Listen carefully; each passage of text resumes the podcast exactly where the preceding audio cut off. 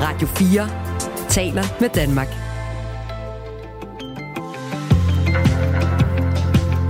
Velkommen til Radio 4 morgen.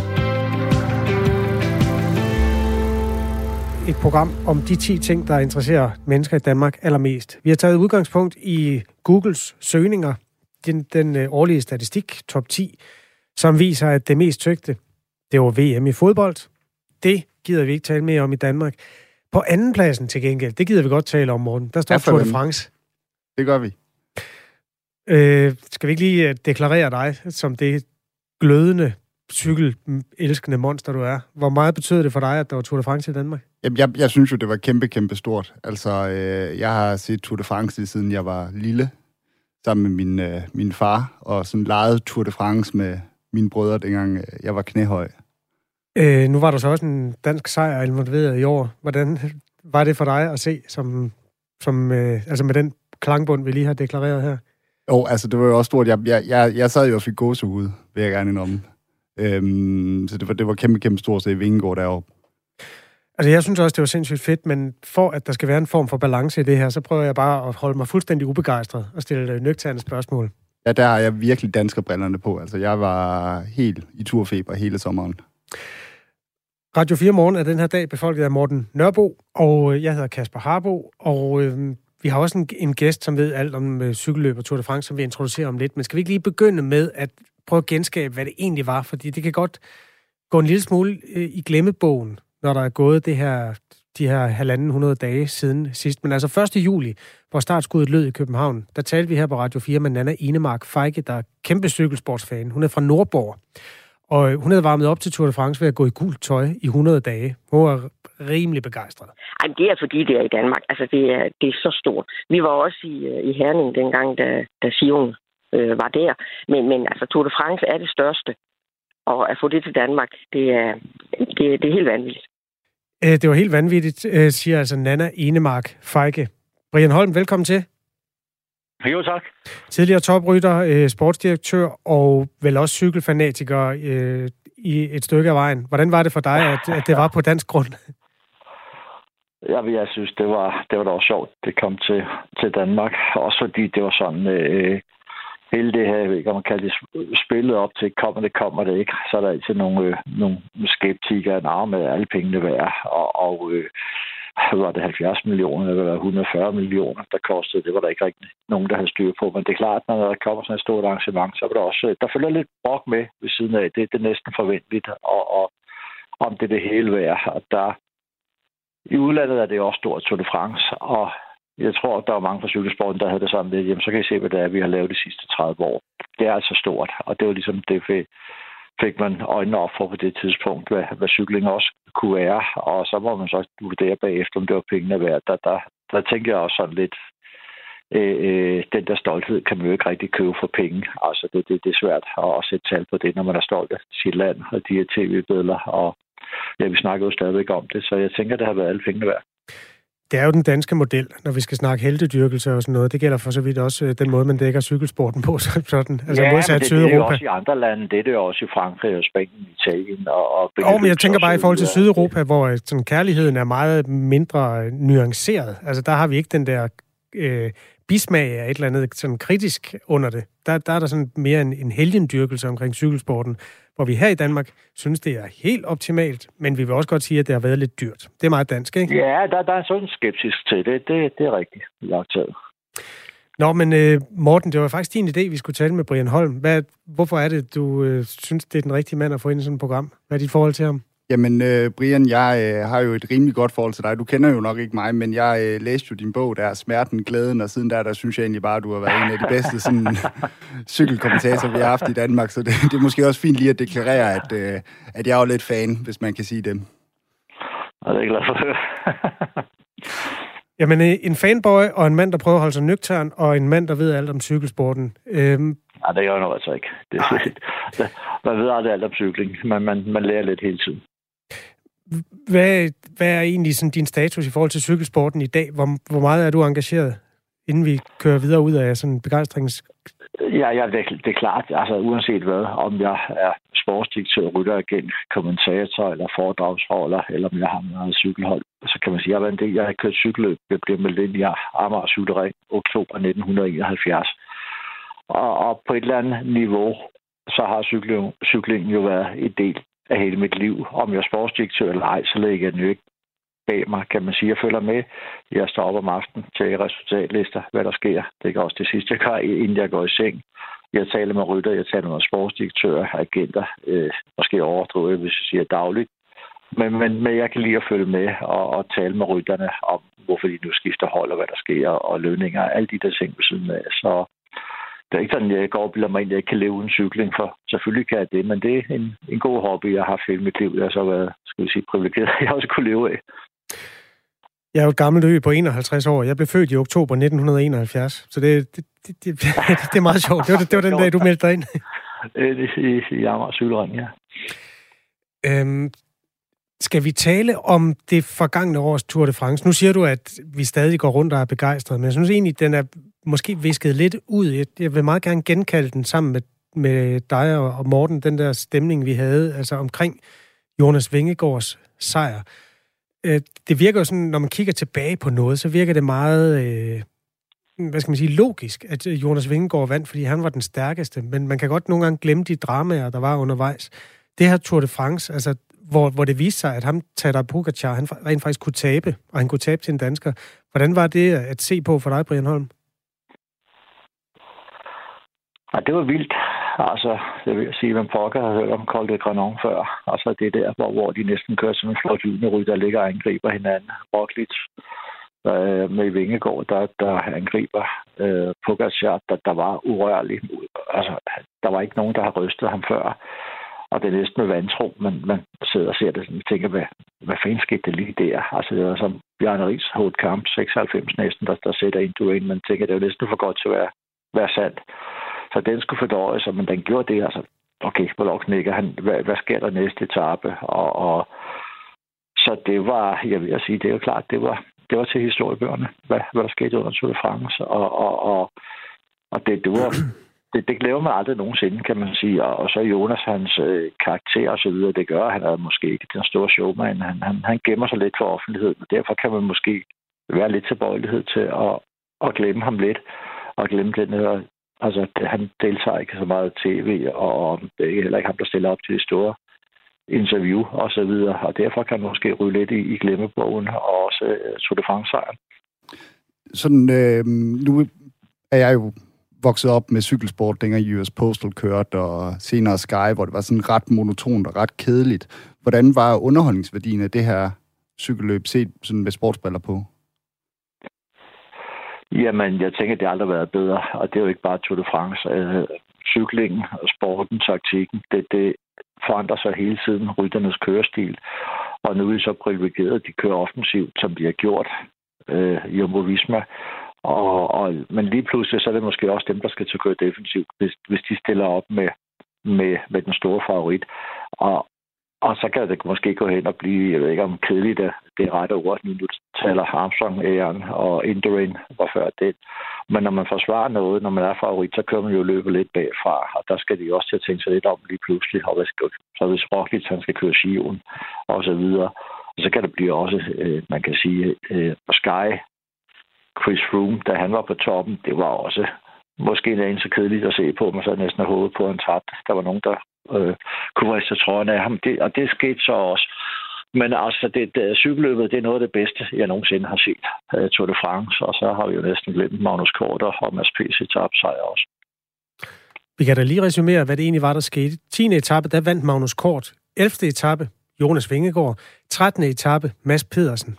Altså, der var simpelthen tre danske etaper, øh, der blev vundet, eller tre danske etappesejre ud af fire.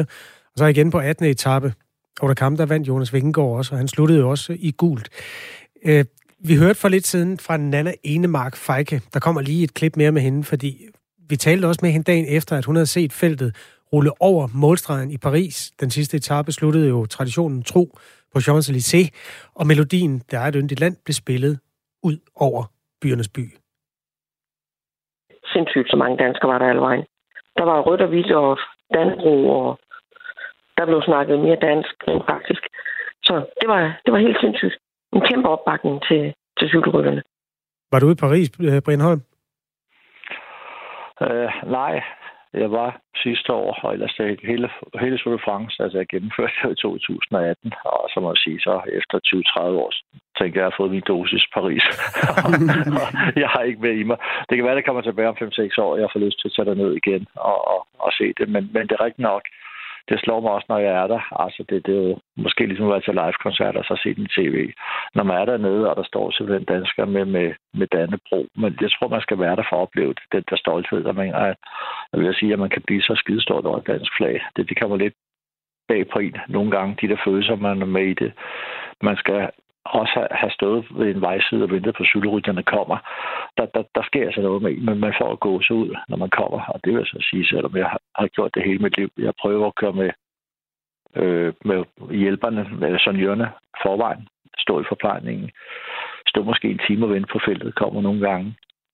Og stadigvæk, når de kommer rullende, øh, først så kommer politibilerne en efter en, så kommer der nogle kommissærer, så kommer der nogle øh, sportsdirektører, der ude kører recon, og, og, og lige pludselig så kommer feltet så rullende, og, og, og hver gang jeg har gjort det, så får man simpelthen gåsehud. Der, der er et eller andet gladiatoragt. Altså, de sidder og råber i feltet. Man kan høre friløbende i gearne, og så videre. Man kan høre, de, de skifter gear. Man kan høre nogen, der banner og svogler. Og jeg vil sige, nogle gange er så heldig, at der er nogen, der styrter.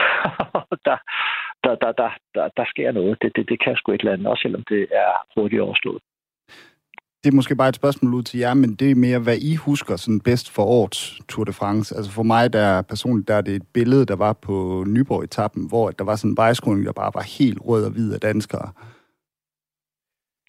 Ja. Jeg, altså, jeg husker bedst, og det vil jeg faktisk gerne høre dit take på om lidt, Brian Holm. Jeg husker bedst det der ikoniske billede af, undskyld, Vingegård, der øh, efter at Tadej Pogacar er styrtet på en nedkørsel, venter på ham, og de tager hinanden i hænderne. Og hele Danmark, sådan på sociale medier og alle mulige andre steder, går i sådan en super national romantisk ekstase over, hvor godt et menneske Jonas Vingegaard er, over at han venter på sin direkte modstander.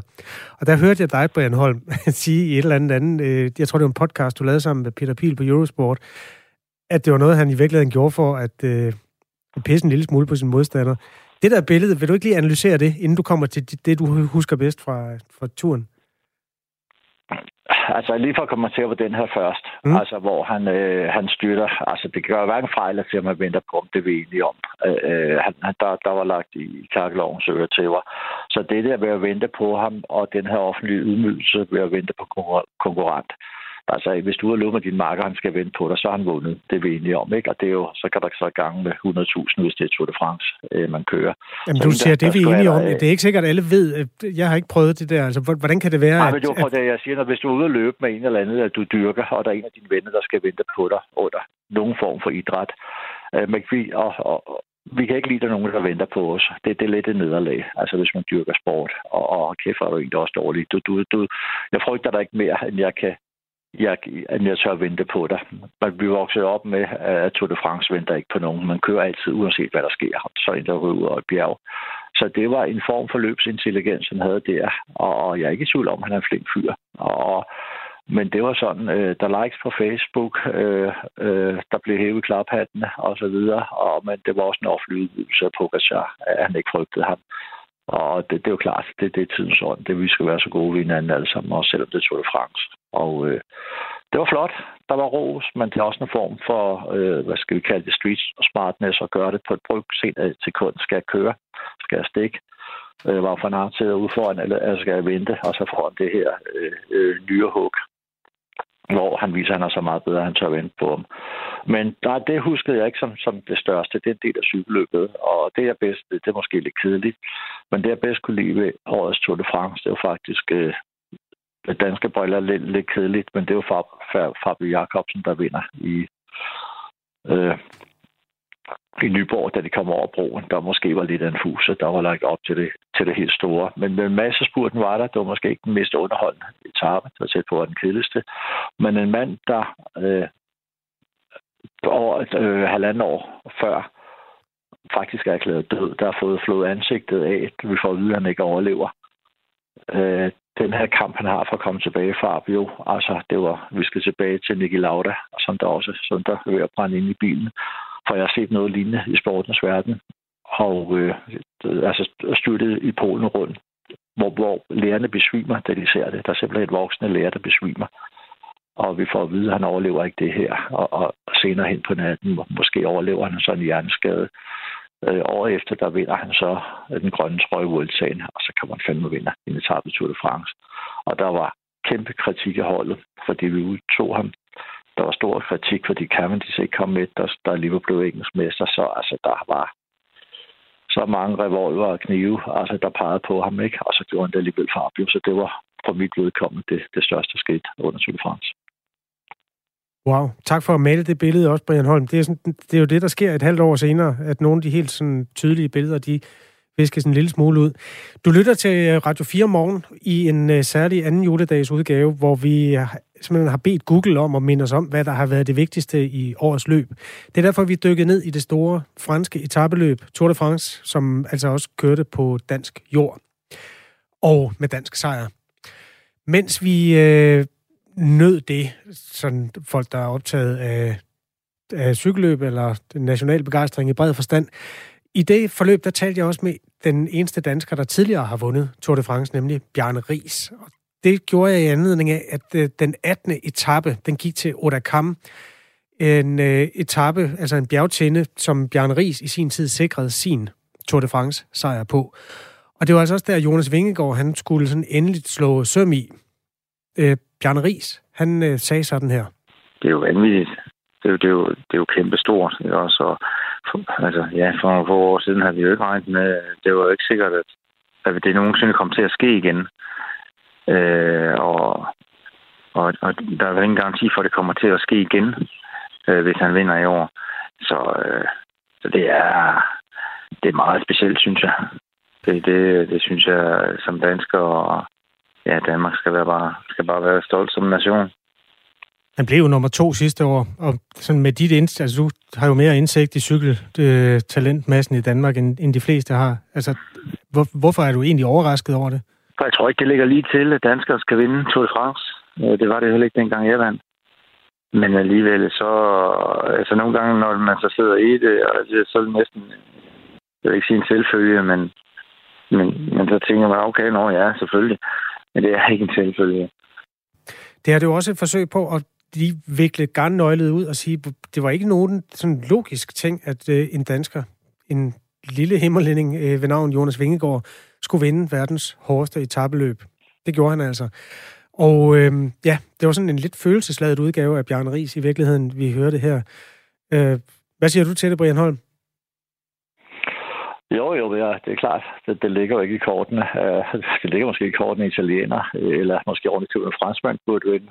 Hvad skal vi tilbage til 84? en franskmand, ja, og så har der været to, to, to danskere i, i mellemtiden. Det, det er jo lidt, lidt pudsigt, og der er ikke nogen af os, der såkaldte specialister, der havde stået frem sidste år og sagt, at han ville blive toer. Der er ikke nogen, der, der har nævnt Vingegaard i top 10, så så klogere er vi altså heller ikke.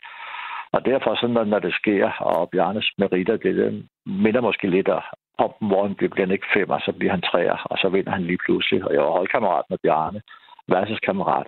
Jeg har aldrig drømt om, altså ikke engang 14 dage inden, jeg tænkte, det er spørgsmål tid, inden, inden han springer i luften, Bjarne, og han taber alt på gulvet. Men han, han kom jo så før, trods alt først til Paris alligevel.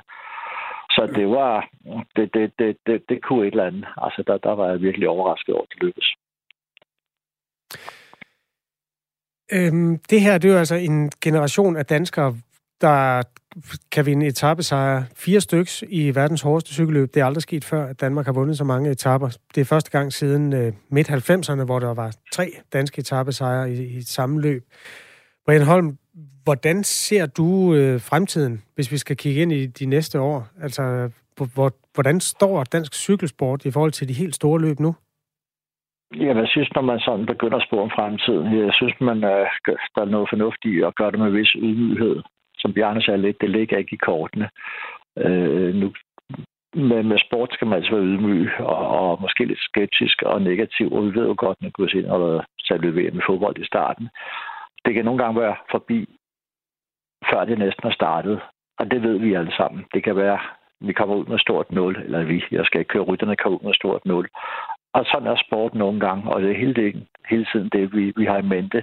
Der kan være et, øh, et brækket kravben, der kan, der kan være en punktering. Der kan ske 117 forskellige ting, når, når, når det er topsport.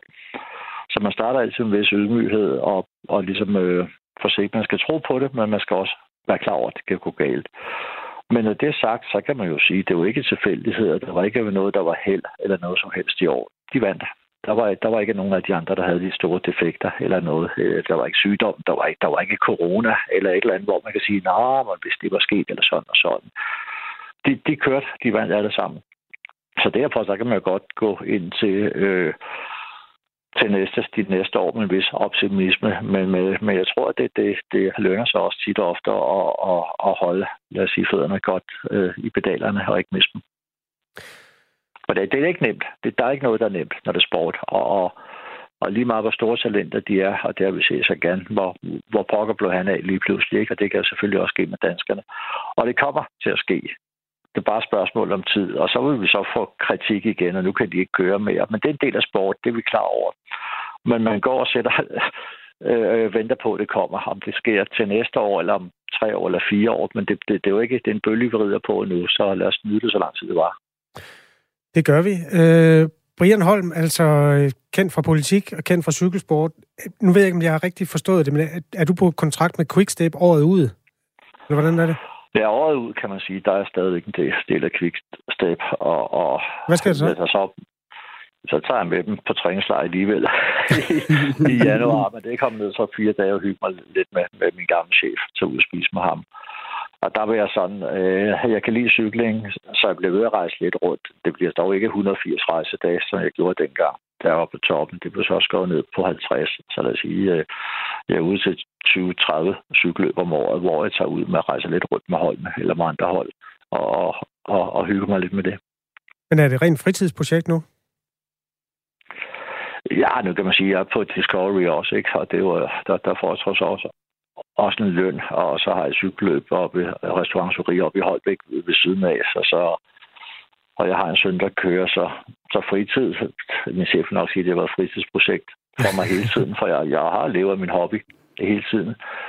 Øh, jeg skal fortælle dig, at hvis det er cykelsport, skal du aldrig nogensinde tælle timer, så bliver du skuffet. Så får du altså ikke løn efter fortjeneste. Med cykling, der er man med, mere med, med hjertet, end man er med hjernen. Ellers så var jeg løbet væk for, for 30 år siden. Det kan jeg garantere for. Så ordet fritid, det gider du i virkeligheden ikke at høre på her i den her sammenhæng? Nej, jamen det, det kan man ikke, og det er jo ikke bare sportsdirektør eller sonørs eller mekaniker. Øh, der kunne man tjene penge nemmere, og, og man er aflønnet per dag. Men altså en dag, det er altså fra en, en massør. Den slutter måske ved midnat, hvis de er heldige, og så starter de kl. 6 næste morgen. Og der, der skal man altså ikke tælle, tælle timer, men det, det er en livsstil at være cykelsport. Det, det, det tror jeg, de fleste vil finde genkendende til, der, der er i cykelsporten. Fremragende, du vil være med, øh, Brian Holm. Morten, det var sådan set din idé, vi skulle tale med Brian. Har du noget, øh, du vil have med, inden vi siger farvel? Nej, jeg vil bare sige tak, fordi du var med. Jamen, jeg vil da også sige, det var det en fornøjelse, Esker, og, og, og tale cykelløb, og hvad vi også skal have i mente at huske på hele tiden. Det, det har jo været lidt op ad bakke i cykelsport nogle gange, og det var sådan, når man så ser det i København. Jeg ved ikke, om man kan huske de her dopingsager, der var på tidlige nullerne, oh, og så videre, hvor vi alle sammen blev øh, dømt øh, døde og skulle sende til, til Sverige, og professionel cykling var, var død, men hvad, så kan man jo rundt og hygge sig, så kommer politikerne tilbage. Dem, der døde cykling færdig for, for, for 10-15 år siden, så det, er jo, det var altid en fornøjelse.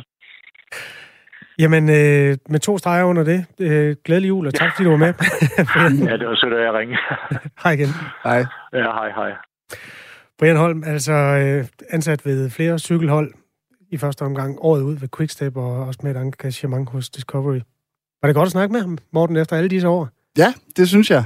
Det var, øh, jeg må indrømme, jeg var, jeg var lidt nervøs, da vi ringede op til ham til ja. at starte med.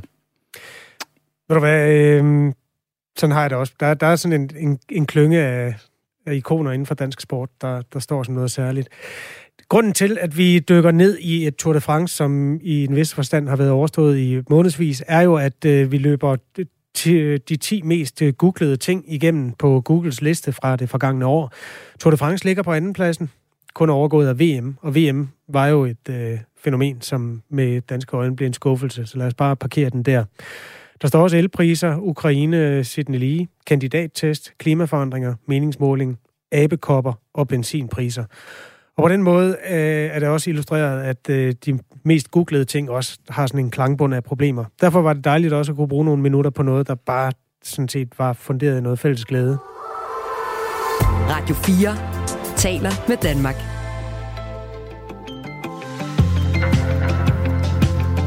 Du lytter til Radio 4 morgen. I en anden juledags udgave med et øh, lidt lavere tempo og en sådan lidt mere tematisk øh, tilgang til nyhedsstrømmen. Det handler om flere ting. For mig er det kort før jul, for dig er det kort efter jul. Og øh, det vil sige, at det er ikke en direkte udsendelse, hvor du som altid kan skrive dine spørgsmål eller kommentarer ind. Alligevel tager det her program udgangspunkt i de spørgsmål, mange mennesker har bagt på i Danmark i det forgangne år. For jeg har siddet med en liste over de 10 mest googlede spørgsmål i dansk udgave af Google øh, det forgangne år. Der er rigtig mange af dem, der vender sig mod konflikten, skråstreget krigen i det østlige Ukraine, eller hele Ukraine, af hele verden efterhånden næsten. Og den kommer jeg til at øh, gå i dybden med om cirka 10 minutter. Allerførst vil jeg dog vende mig mod spørgsmål nummer 10 på listen over de mest googlede. Spørgsmålet lyder i al sin enkelhed. Hvem vinder valget? Altså, hvem vinder valget? Hvem vinder folketingsvalget 2022? Vi kender jo mandatfordelingen nu, og vi kender vel også, øh, hvad skal man sige, øh, statsministerens navn. Men om der er nogen strømninger sådan nedenunder, der betyder, at nogen har vundet mere end andre, det vil jeg gerne have svar på. Og manden, der hjælper mig med det, hedder Kasper Dahl. Han er politisk redaktør på Avisen Danmark, og også kendt fra flere af Radio 4's politiske programmer. Goddag og glædelig jul, Kasper. Tusind tak, og i lige måde. Hvem vinder valget? Jeg har prøvet at se, hvad Google-resultaterne er. Det er sådan noget, der er blandt andet en titel på en bog, øh, Hvem vinder valget fra 2007 af en mand, der hedder Jens Christiansen. Der er et forside billede af Anders Fo, men det er jo længe siden. Hvis nu jeg stiller dig 2022 spørgsmålet, hvem vinder valget? Hvad svarer du så? så svarer jeg bare lige først og fremmest, at jeg synes, det er helt fantastisk, at der er så mange danskere, der har øh, troet, at Google var sådan en øh, fremtidsmaskine, man kunne, øh, kunne spørge om netop sådan noget med, hvem der vinder valget. Øh, Jamen altså, dybest set, altså, den der vandt valg, det var jo Mette Frederiksen. Så kan vi jo øh, så altid, når vi skal øh, summe 2023 op, øh, finde ud af, om øh, det så var en sejr, hun havde lyst til at have, eller om omkostningerne ved at, at vinde valget alligevel blev for store for hende. Men det synes jeg var lidt for tidligt at, at begynde at, øh, at konkludere på det nu. Så altså, jeg vil, jeg vil tro, at, at hvis Google de så ligesom skulle søge optimere deres, øh, deres besvarelse på lige præcis øh, det spørgsmål, så skal de nok have rykket øh, et billede af Mette Frederiksen, eller noget, der ligesom fortæller, at Mette Frederiksen vandt valget i 2022. Det har de også, fordi det øverste hit, man bliver lægget ind på, det er valgresultatet fra 2022. Det er jo TV2's øh, side, der ligger øverst der i søgehistorikken. Og så kan man læse mandatfordelingen, og ingen tvivl om, at der jo var en socialdemokrat, der fik flere stemmer end alle de andre. Ikke desto mindre, så kan der også godt være flere sejre her ved sådan et valg her. Det er derfor, at det er et super spændende valg at gøre øh, status over. Selvom du siger det selv, øh, den er ung, den der regering, men der er jo flere vindere i den. På vinderskalaen, der kan vi jo tage de tre øh, regeringsledere, et, eller de tre øh, partiledere, der indgår i regeringen, altså Lars Løkke Rasmussen, Jakob Ellemann Jensen og Mette Frederiksen. Hvem har vundet mest? Ja, altså det er jo, øh, hvis man kunne have sådan en, en, en delt førsteplads, eller måske en, del, måske en delt andenplads er i virkeligheden det bedste, og så placere Mette Frederiksen og Lars Lykke der på sejrskamlen, så tror jeg, at jeg vil, vil placere dem der, og så lade førstepladsen stadigvæk stå tom, fordi jeg synes ligesom juryen er ude endnu, om det er øh, Lars Lykke og hans øh, tanker omkring den her regering hen over midten, der har vundet, eller om det er, af Mette Frederiksen, der har lavet et, et genialt strategisk træk ved at, at forsøge at få, øh, få lavet den her de facto flertal, flertalsregering og få truffet nogle, nogle sådan rimelig øh, kontroversielle beslutninger, hvis det her regeringsgrundlag det bliver ført ud i livet.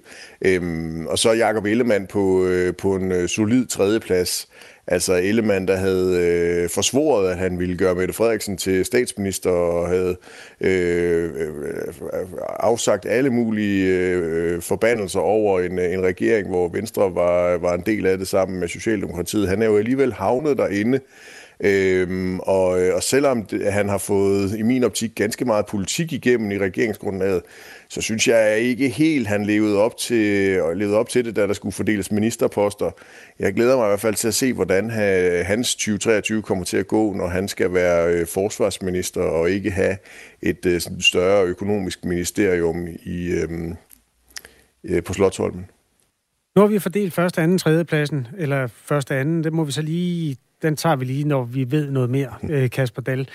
Det her det er altså Radio 4 Morgen i en anden juledags udgave, hvor vi gør status over et politisk år, blandt andet med den her øh, udgangspunktet i de 10 mest øh, stillede spørgsmål på Google overhovedet. Hvem vinder valget? Den der mm, regering hen over midten, som vi har fået i Danmark nu, den er så historisk, så når det her nu er et lidt tilbageskuende program, så bliver vi nødt til at øh, dvæle lidt ved den. Forhistorien er, øh, må jeg have lov at starte forhistorien et sted, som den ikke så ofte bliver gjort i de her gennemgange? Fordi jeg har været vært på radiostationen P4 med Danmarks Radio. Dengang Lars Løkke Rasmussen han var statsminister i den der VLAK-regering, sammen med Liberal Alliance og Konservative, der var han på et tidspunkt gæst i det formiddagsprogram, hvor jeg var vært. Og det har været omkring et år til halvandet før det folketingsvalg, hvor han så mistede statsministerposten. Og der havde jeg nemlig sådan selv gået og spekuleret på, hvor langt er de der to store partier, Venstre og Socialdemokraterne, fra hinanden, når det kommer til stykket. Så jeg, i det der interview, der handlede om Øst og Vest i politik, så stillede jeg ham det der spørgsmål. Er det ikke på tide at øh, prøve sådan en? Altså, kunne man ikke øh, forestille sig, at Venstre og Socialdemokraterne kunne få nogle spændende ting hjem sammen? Og han svarede, det har vi jo prøvet. Det gik jo ikke. Det holdt jo ikke ret længe. altså, han fejrede den fuldstændig af banen øh, og sagde, det, det var jo under, jeg tror endda, han sagde, det var under Paul Hartling, øh, hvad det i virkeligheden ikke var. Øh, det var under Henning Christoffersen, men det var sådan set lige meget. Han, han fejrede den fuldstændig af banen, som om det var det mest idiotiske, han nogensinde havde hørt. Og så gik der et sted mellem et halvt og et helt år, og så kom den der bog, hvor han selv legede med tanken. Altså, hvor længe tror du egentlig... Kasper Harbo, hører jeg dig... Kasper, Ja. Kasper Harbo, hører jeg dig sige, at det er dig, der har plantet det øh, frø, der så spirede hos Lars Lykke et års tid senere? Nej, du hører mig faktisk bare sige, at Lars Lykke er en snedig red, der har tænkt alle tanker, før nogen som helst andre tænker dem, men han ved også, hvornår han skal lufte dem, og øh, han kunne ikke lufte dem, når han sad som statsminister i en sådan lidt dysfunktionel regering med alle mulige øh, forskellige interesser. Men lige så snart det var klart, at dens øh, levetid var øh, overstået, så kom, kom han frem med den. Øh, hvordan opfatter du den øh, teori? Jeg opfatter det som om, at det er, er dig, Harbo, der har været den store inspirator for, øh, for Lars Lykke. Og, og, og man kan sige, det, det interessante her er jo, at vi ved jo faktisk ikke, om det er tilfældet, eller om hvornår den her idé omkring den brede regering, den begyndte at spire hos Lars Lykke. Vi ved bare, at han udgav en, øh, en bog der i, tilbage i valgkampen 2019, som jo blev, blev voldsomt omtalt og kom til at definere den valgkamp, vi havde i 2019, og kom jo i virkeligheden også til at definere nu her den, øh, den sidste del af Lars Lykkes politiske karriere det tror jeg godt, øh, vi kan, kan sige. Det øh, vil han nok selv sige, når han nu ikke længere har ambition om at være, være statsminister, men gerne vil være øh, udenrigsminister i en Mette Frederiksen-ledet regering. Så, øh, så på den måde har det jo været nogle, nogle definerende øjeblikke, der skete der tilbage i, i 2018-2019, øh, som trækker trådet helt ind til, til det her valg, vi har haft i år, og jo sandsynligvis også kommer til at trække trådet ind i de næste par år, alt efter hvor lang levetid den her øh, brede midterregering den nu øh, kommer til at have. Der er i hvert fald et ganske fyldigt regeringsgrundlag, hvor der er nogle tydelige Lars Lykke-aftryk øh, i, og man kan sige, det er, nu betegner Mette Frederiksen det her jo som sådan et, et arbejdsfællesskab. Det er jo også på en eller anden måde et form for skæbnefællesskab, de har indgået, de her tre øh, partiformænd, hvor, øh, hvor de kan blive sammen, så længe der er noget, øh, noget politik, der skal gennemføres. Altså, så længe der stadigvæk er masser af ting i regeringsgrundlaget, som mangler at blive ført ud i livet, så tror jeg, at de tre partier vil strække sig rigtig, rigtig langt for at, øh, at blive i regeringen, men så snart, at der begynder at blive sat nogle flueben, og at øh, regeringsgrundlaget begynder at blive udtømt, så kunne jeg godt forestille mig, at enten Venstre eller Socialdemokratiet vil begynde at overveje, om det her arbejdsfællesskab er det rigtige fællesskab at blive i, eller om de skal begynde at, at øh, vende blikket tilbage mod øh, Blå Blok eller mod Rød Blok for Socialdemokratiets vedkommende. Så lad os købe den præmis, at det var mig, der var den tænketank, som øh, Lars Lykke mødte på sin road movie igennem Danmark, og pludselig så kom det så til at stå i en bog. Da han så lufter det i en bog midt i valgkampen, formentlig nærmest uden overhovedet at have spurgt Mette Frederiksen personligt, øh, der siger hun jo bare kæmpe nej tak. Altså lige så klart nej tak, som Lars Lykke havde sagt et år før til mig, sagde hun i medierne øh, til ideen fra Lars Lykke. Hvordan tror du, den modningsproces har været i Mette Frederiksen i forhold til, at hun skulle lave noget? Det blev så ikke øh, Venstre som repræsenteret af Lars Lykke, men dog med Venstre, og siden han også med Lars Lykke. Hvordan, hvordan tror du, den modningsproces har været for Danmarks statsminister? Ja, det, bliver vi jo forhåbentlig klogere på i det øh, år, der kommer, hvor der jo meget gerne skulle komme øh, del 2 af Anne-Sophie Kravs øh, portrætbog af Mette Frederiksen, altså en forfatter, der har haft mulighed for at følge Mette Frederiksen i den første valgperiode, og det har i hvert fald selv store forventninger til. Det man kunne forestille sig, det der sådan er, er meget sandsynligt, er jo, at øh, omstændighederne i samfundet, hvad enten det så er coronakrisen eller øh, Ruslands invasion i Ukraine, jo ligesom har gjort, at Mette Frederiksen har været nødt til at, at genoverveje den strategi, hun havde valgt, og hun har været nødt til at, øh, at bruge flere midler end det, hun måske lige i forvejen, øh, eller i første omgang havde tænkt. Og det betyder jo, at øh, det økonomiske råderum, det er efter indgåelsen af det nationale sikkerhedskompromis der i, i marts 2022, rent faktisk var blevet ganske, ganske småt eller lille. Og øh, det er jo svært at forandre verden, hvis man ikke har nogen kroner på øh, lommen, og øh, det tror jeg er en af de vigtigste årsager til, at Mette Frederiksen hun har tænkt, okay, jeg er nødt til at se, om jeg kan finde nogle partier, som gerne vil være med til at lave nogle reformer, der kan øge det her økonomiske råderum, så vi kan øh, sætte nye initiativer i gang i øh, samfundet. Og der har hun jo så kigget ud på sit parlamentariske grundlag med øh, Alternativet, Enhedslisten, til dels også SF, og så har hun tænkt, det er nok ikke lige dem, hun får til at indgå i nogle af de her reformaftaler, der kan skaffe rigtig mange kroner i statskassen. Og så har hun jo begyndt at kigge, okay, hvordan kan jeg så øh, finde nogle, øh, nogle partier, der gerne vil det? Og der er altså en, øh, en, øh, et moderaterne øh, med Lars Løkke, som på det tidspunkt var et ganske lille parti. De blev så et, et stort parti ved, ved valget, øh, Folketingets tredje største. Og så er der selvfølgelig Venstre, hvor, øh, hvor hun har kigget over og, og sagt, at hvis man skal lave den type af reformer af samfundet, så er det vigtigt, at både Venstre og Socialdemokratiet er med. Og på den måde tror jeg, at den her tanke omkring en, øh, en regering hen over midten har, øh, har vokset på hende. Nu har vi den i hvert fald. Øh, Kasper Dahl, tak fordi du vil hjælpe med at øh, sætte nogle ord på, hvordan du har opfattet vejen derhen, og også fordi du vil øh, hjælpe med at fylde pladserne på, på medaljeskamlen op i dansk politik på baggrund af det her Google-spørgsmål. Hvem vinder valget? Ha' et rigtig godt nytår. Velbegavet. Tusind tak, og i lige måde.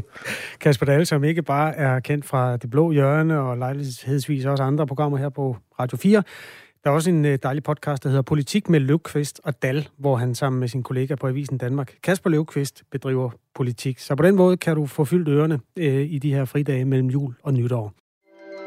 Du lytter til Radio 4 morgen. Anden juledag med udgangspunkt i de mest googlede spørgsmål på øh, ja, hjemmesiden af samme navn selvfølgelig, hvor man søger svar på det, man ikke lige har et opslagsværk til i regionen i vore dage. Når man kigger på den top 10, så er der et emne, der fylder mere end noget som helst andet. På førstepladsen, hvorfor krig i Ukraine? Spørgsmålstegn. På tredjepladsen, hvorfor angriber Rusland? På 9. pladsen, hvornår startede krigen i Ukraine? Alt det her afhænger af, hvem man spørger, og der er ingen tvivl om, at hvis man spørger en russer, så vil man få et andet svar, end hvis man spørger en dansker. Men nu befinder vi os i Danmark, og det er jo også den danske udgave af Google. Øhm, og derfor vil jeg sige øh, glædelig jul og øh, goddag til Flemming Spidsbol, der er seniorforsker ved Dansk Institut for Internationale Studier. Ja, tak skal du have, og glædelig jul. Flemming Spidsbol, øh, er din telefon, har den været varmere siden 24. februar, end den plejer at være? Ja, den har, øh, den har været varmere, og jeg startede min øh, dag torsdag den 24. februar faktisk øh, sådan meget symptomatisk med at blive ringet op øh, af journalister. Klokken var cirka halv fem. Øh, og, øh, og så var vi ligesom i gang. Øh, så, så, så min telefon har været meget varm hele året, øh, og der har været enormt fokus på den her øh, jo meget store meget voldsomme, meget triste krig, som vi ser.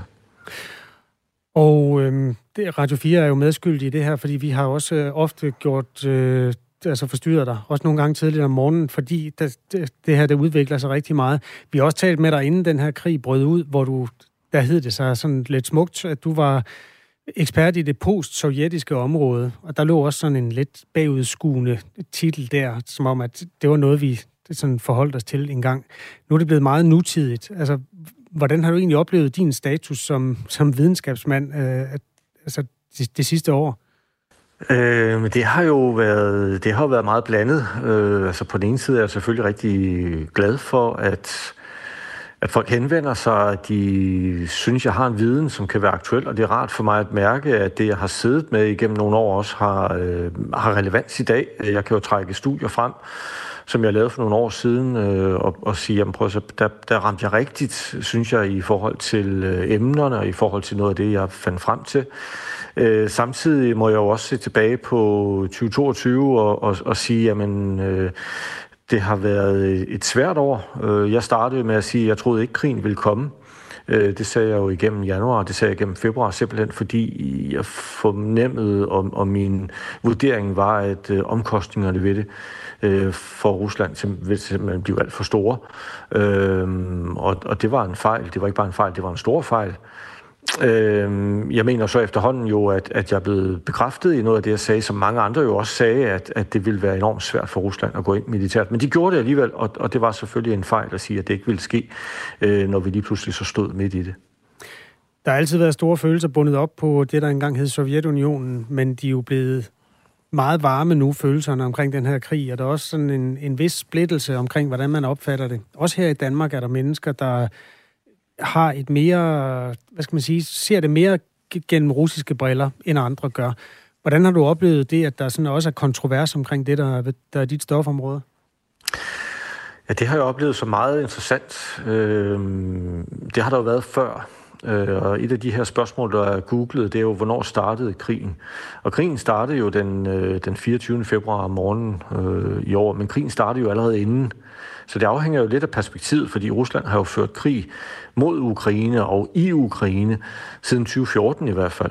Øhm, og siden det tidspunkt har der jo også været de her meget splittede opfattelser af det. Jeg oplever det tit, når jeg er ude og holde foredrag. Jeg holdt 81 foredrag og briefinger i, i 2022. Og øh, et af de spørgsmål, som tit dukker op, og som jeg sådan kan fornemme i publikum, det her det med, om ikke Rusland har haft ret til det. Har Putin ikke ret, når han siger, at Ukraine er en kunstig stat? Har øh, Rusland ikke ret til at tage sine områder tilbage? Har Rusland ikke ret til at have en interessesfære og den slags? Så det er jo noget af det, som, som fylder, og hvor jeg må sige, for mig har været overraskende, at der er så mange, som af forskellige årsager øh, har behov for at støtte Rusland og forsvare det, der sker. Øh, mange af dem tror, mistænker jeg øh, gør det, fordi de trækker det op på en anden bane. For dem handler det egentlig ikke så meget om Ukraine, det handler om Ruslands forhold til USA, og der mener de, i det store billede, der har Rusland som set ret til at gøre det her. Så, så øh, det har været meget polariseret, øh, og det har jeg jo også selv kunnet mærke, når jeg har været ude, og jeg har kunnet mærke det også, når jeg udtaler mig om forskellige emner. Hvordan finder du selv dine ben at stå på, når det er så følelsesladet, og hvor der også virkelig er forskellige perspektiver på det? Jeg prøver jo at holde en, en, en, øh, en vis distance til det. Jeg plejer jo altid at sige, at jeg ikke sådan er, er følelsesmæssigt involveret i det. Det er klart, jeg har jo øh, mine holdninger til noget af det, og jeg synes jo, at, at altså, demokrati og, og, og, og menneskerettigheder er, øh, er bedre end fraværet af demokrati og menneskerettigheder. Det skal jeg da ikke lægge skjul på. Øh, jeg synes, øh, den udvikling, der har været i Rusland med det stadig mere autoritære og måske endda efterhånden totalitære, øh, er meget uheldig og en trist udvikling internt i Rusland. Jeg synes, russerne for, øh, fortjener meget bedre end det, de har fået igennem nogle år. Øh, men ellers forsøger jeg jo ligesom at holde det ude i strakt arm og, og undgå at at give udtryk for mine personlige holdninger til, hvad der egentlig sker, og, og sådan meget kælderkoldt øh, analysere det i det omfang, det nu er muligt. Det er der jo ikke nogen af os, der kan sådan fuldstændig isoleret fra det, der sker, men, øh, men det har jeg forsøgt. Og en af, et af de spørgsmål, jeg ofte får, når jeg har været ude, det er, om, om ikke det hele påvirker mig. Øh, også det at, at, at sidde med krig hver eneste dag næsten, og der har jeg så svaret, og hvad jeg egentlig tror er rigtigt, at, at noget af det måske har været positivt for mig, det er, at jeg har haft så så enormt travlt i 2022, så, så jeg egentlig ikke rigtig har haft tid til at sætte mig ned og mærke efter, øh, hvordan jeg forholder mig til nogle af de der meget triste historier, der kommer jo især fra Ukraine, men de kommer jo også fra russisk side. Der dør i hvert fald mange mennesker på begge sider af det her. Det mest googlede spørgsmål overhovedet, hvorfor krig i Ukraine? Det er jo sådan et spørgsmål, der både kan have den der altså opklarende, hvor man gerne vil have det forhistoriske, geopolitiske billede, men det kan også godt have en, en klang af den der, hvorfor fanden skal der dø så mange mennesker? Øh, det, det er sådan et videnskabeligt svar. Hvorfor er der krig i Ukraine? Kan du komme med det? Jeg kan i hvert fald forsøge med nogle forklaringsmodeller, og nu sagde jeg jo tidligere, at jeg jo gik ud i januar og februar og sagde, at jeg troede ikke, krigen ville komme. Øh, når jeg har været ude og holde foredrag, er det jo gået op for mig, at der er rigtig mange, der har set mig på tv, hvor jeg sad med sådan et barometer, hvor jeg skulle sætte viseren efter nogle sandsynligheder. Der sagde jeg 25% risiko for krig, og så 75% sandsynlighed for, at at de vil finde ikke en løsning, men en anden udvej. Øh, så der stadigvæk vil være sådan et, et meget anspændt forhold, men, øh, men 25 procents risiko for, at Rusland vil rykke ind. Og, og det var jo en fejl. Øh, når jeg kigger tilbage på det, så må jeg jo konstatere, og det ved vi jo, at Putin var meget dårligt informeret om det. Jeg plejer at pege på dårlige efterretninger, dårlige rådgivninger og en dårlig forståelse af blandt andet det ukrainske, for, øh, ukrainske forhold, det ukrainske samfund en dårlig forståelse hos Putin og hans folk af, hvor Ukraine egentlig har bevæget sig hen siden Sovjetunionens sammenbrud, hvor meget anderledes det er. Så, så givetvis en, øh, på den måde en fejlslutning. Men så er der jo også øh, muligheden for, at, at Putin har været bevidst om, om ikke det hele, men alligevel måske noget af det. Man har sagt, det er det, vi gør, vi er nødt til at gøre det. Det er det, der er vores historiske pligt. Det er vores historiske øjeblik, der er kommet. Vi tager dele af, af, af det gamle Rusland tilbage, uanset hvad vi har forpligtet os til tidligere. Og det er jo dukket op undervejs i krigen, hvor Putin har talt om det som jo nærmest som en naturlig forlængelse af noget af det, der skete helt tilbage, for eksempel i 1700-tallet. Han sammenlignede sig selv med den russiske zar Peter den Store, og talte om, at Peter den Store havde taget territorium, og det så ud, som om han havde råbt noget, men nej, siger Putin, det gjorde han ikke. Han tog bare det tilbage, som engang har været russisk. Øhm, og så kan der jo også være, og, og den, den mulighed skal vi jo være åbne over for, at der et eller andet sted inde i Putins hjerne er en fortælling om, at Rusland faktisk er presset af Ukraine, at Rusland faktisk er presset af NATO, og derfor er nødt til at gøre det. Så der kan være en del forskellige forklaringer. Øhm, igen, når jeg kigger tilbage på det, og jeg stiller jo også mig selv det spørgsmål, hvorfor gjorde de det, så, øhm, så føler jeg mig overbevist om, at Putin har fejlberegnet. Øh, han havde regnet med noget helt andet, og russerne på et tidspunkt øh, om nogle år, øh, så vil de gik tilbage på det her, så vil de sige, at det var en stor fejl. Det var slet ikke omkostningerne værd. Men alligevel, rationalet skulle være, at Rusland var truet. Det kan man vel godt øh, ved, altså, tage for gode varer, hvis man den, øh, er bange for NATO og ser grænserne rykke tættere på og se et Ukraine, der bliver mere og mere vestligt. Altså, er, er det en helt øh, vanvittig tanke, synes du? Altså, om de så havde held med den invasion eller ikke, at, at man følte sig truet? Nej, det er det ikke. Øh, altså, jeg, jeg er jo nødt til at sige personligt, synes jeg, at det er, øh, at det er vildt at forestille sig, at NATO ville øh, angribe Rusland. Øh, men der kan jo sagtens i de toneangivende kredse i Rusland være en, en forståelse af, at, at den trussel har alligevel været været reel, og man var nødt til at gøre noget. Vi ved, at der i toppen af det russiske politiske system er et stort forbrug af konspirationsteorier. Øh, det ved vi blandt andet, fordi de refererer til dem. Øh, Putin gør det også selv. De refererer til nogle konspirationsteorier, som er ret populære rundt omkring på nettet. Øh, så der er et forbrug af det, og det kan have været med til at forme deres verdenssyn også, den måde, de tænker på øh, NATO som en trussel. Men det er klart, i, i, i sidste ende ved vi det jo ikke med sikkerhed. Jeg har som sagt svært ved at se NATO angribe Rusland. Noget af det, vi hører fra russisk side, en konspirationsteori, som har været op mange gange på det allerhøjeste niveau, det er det her med, at Vesten ønsker at angribe Rusland og at splitte Rusland op i flere bidder og så tage dets naturressourcer. Og det har jeg svært ved at se, at der er nogen, der skulle have planer om. Men, øh, men igen, det kan have været med til at informere den måde, de har set det hele på, og den måde, de har truffet deres beslutninger på. Uanset hvad årsagen er til, at øh, Rusland har truffet de valg, som man har truffet, så står vi nu i den situation her, altså i 2022, at Rusland er blevet et sådan geopolitisk fjendebillede igen. Jeg er 51 år. Da jeg voksede op under den kolde krig, der gik man og var enormt bange for de russiske atomvåben. Jeg var soldat i øh, starten af 90'erne, hvor vi lærte sådan at kende silhuetterne af russiske kampvogne og russiske fly, fordi det var hovedfjenden. Så brød Sovjetunionen sammen, så nærmest øh, da jeg blev færdig som soldat, og, og pludselig var der sådan et vakuum, og også sådan en form for enorm lettelse jo, og, noget fred, hvor man sådan famlede lidt. Der var meget sådan håb om, omkring storpolitikken på det tidspunkt der. Nu er vi sådan bumpet lidt tilbage i vores verdensopfattelse. Hvordan har den rejse været for dig, og, og hvordan er det nu at stå og tænke, at Rusland er fjenden igen? Ja, det har jo også været en, en svær rejse, fordi den, den har jo sådan set taget det samme spor, som, som du nævner. Øh, altså i 90'erne var der jo ikke så meget fokus på Rusland. Det var der, jeg selv var aktiv studerende. Øh, og det handlede jo meget om Rusland som, som et problem, øh, men et problem på grund af, at det var ustabilt, det var uforudsigeligt, det var fattigt, og vi vidste ikke rigtigt, hvor de bevægede sig hen.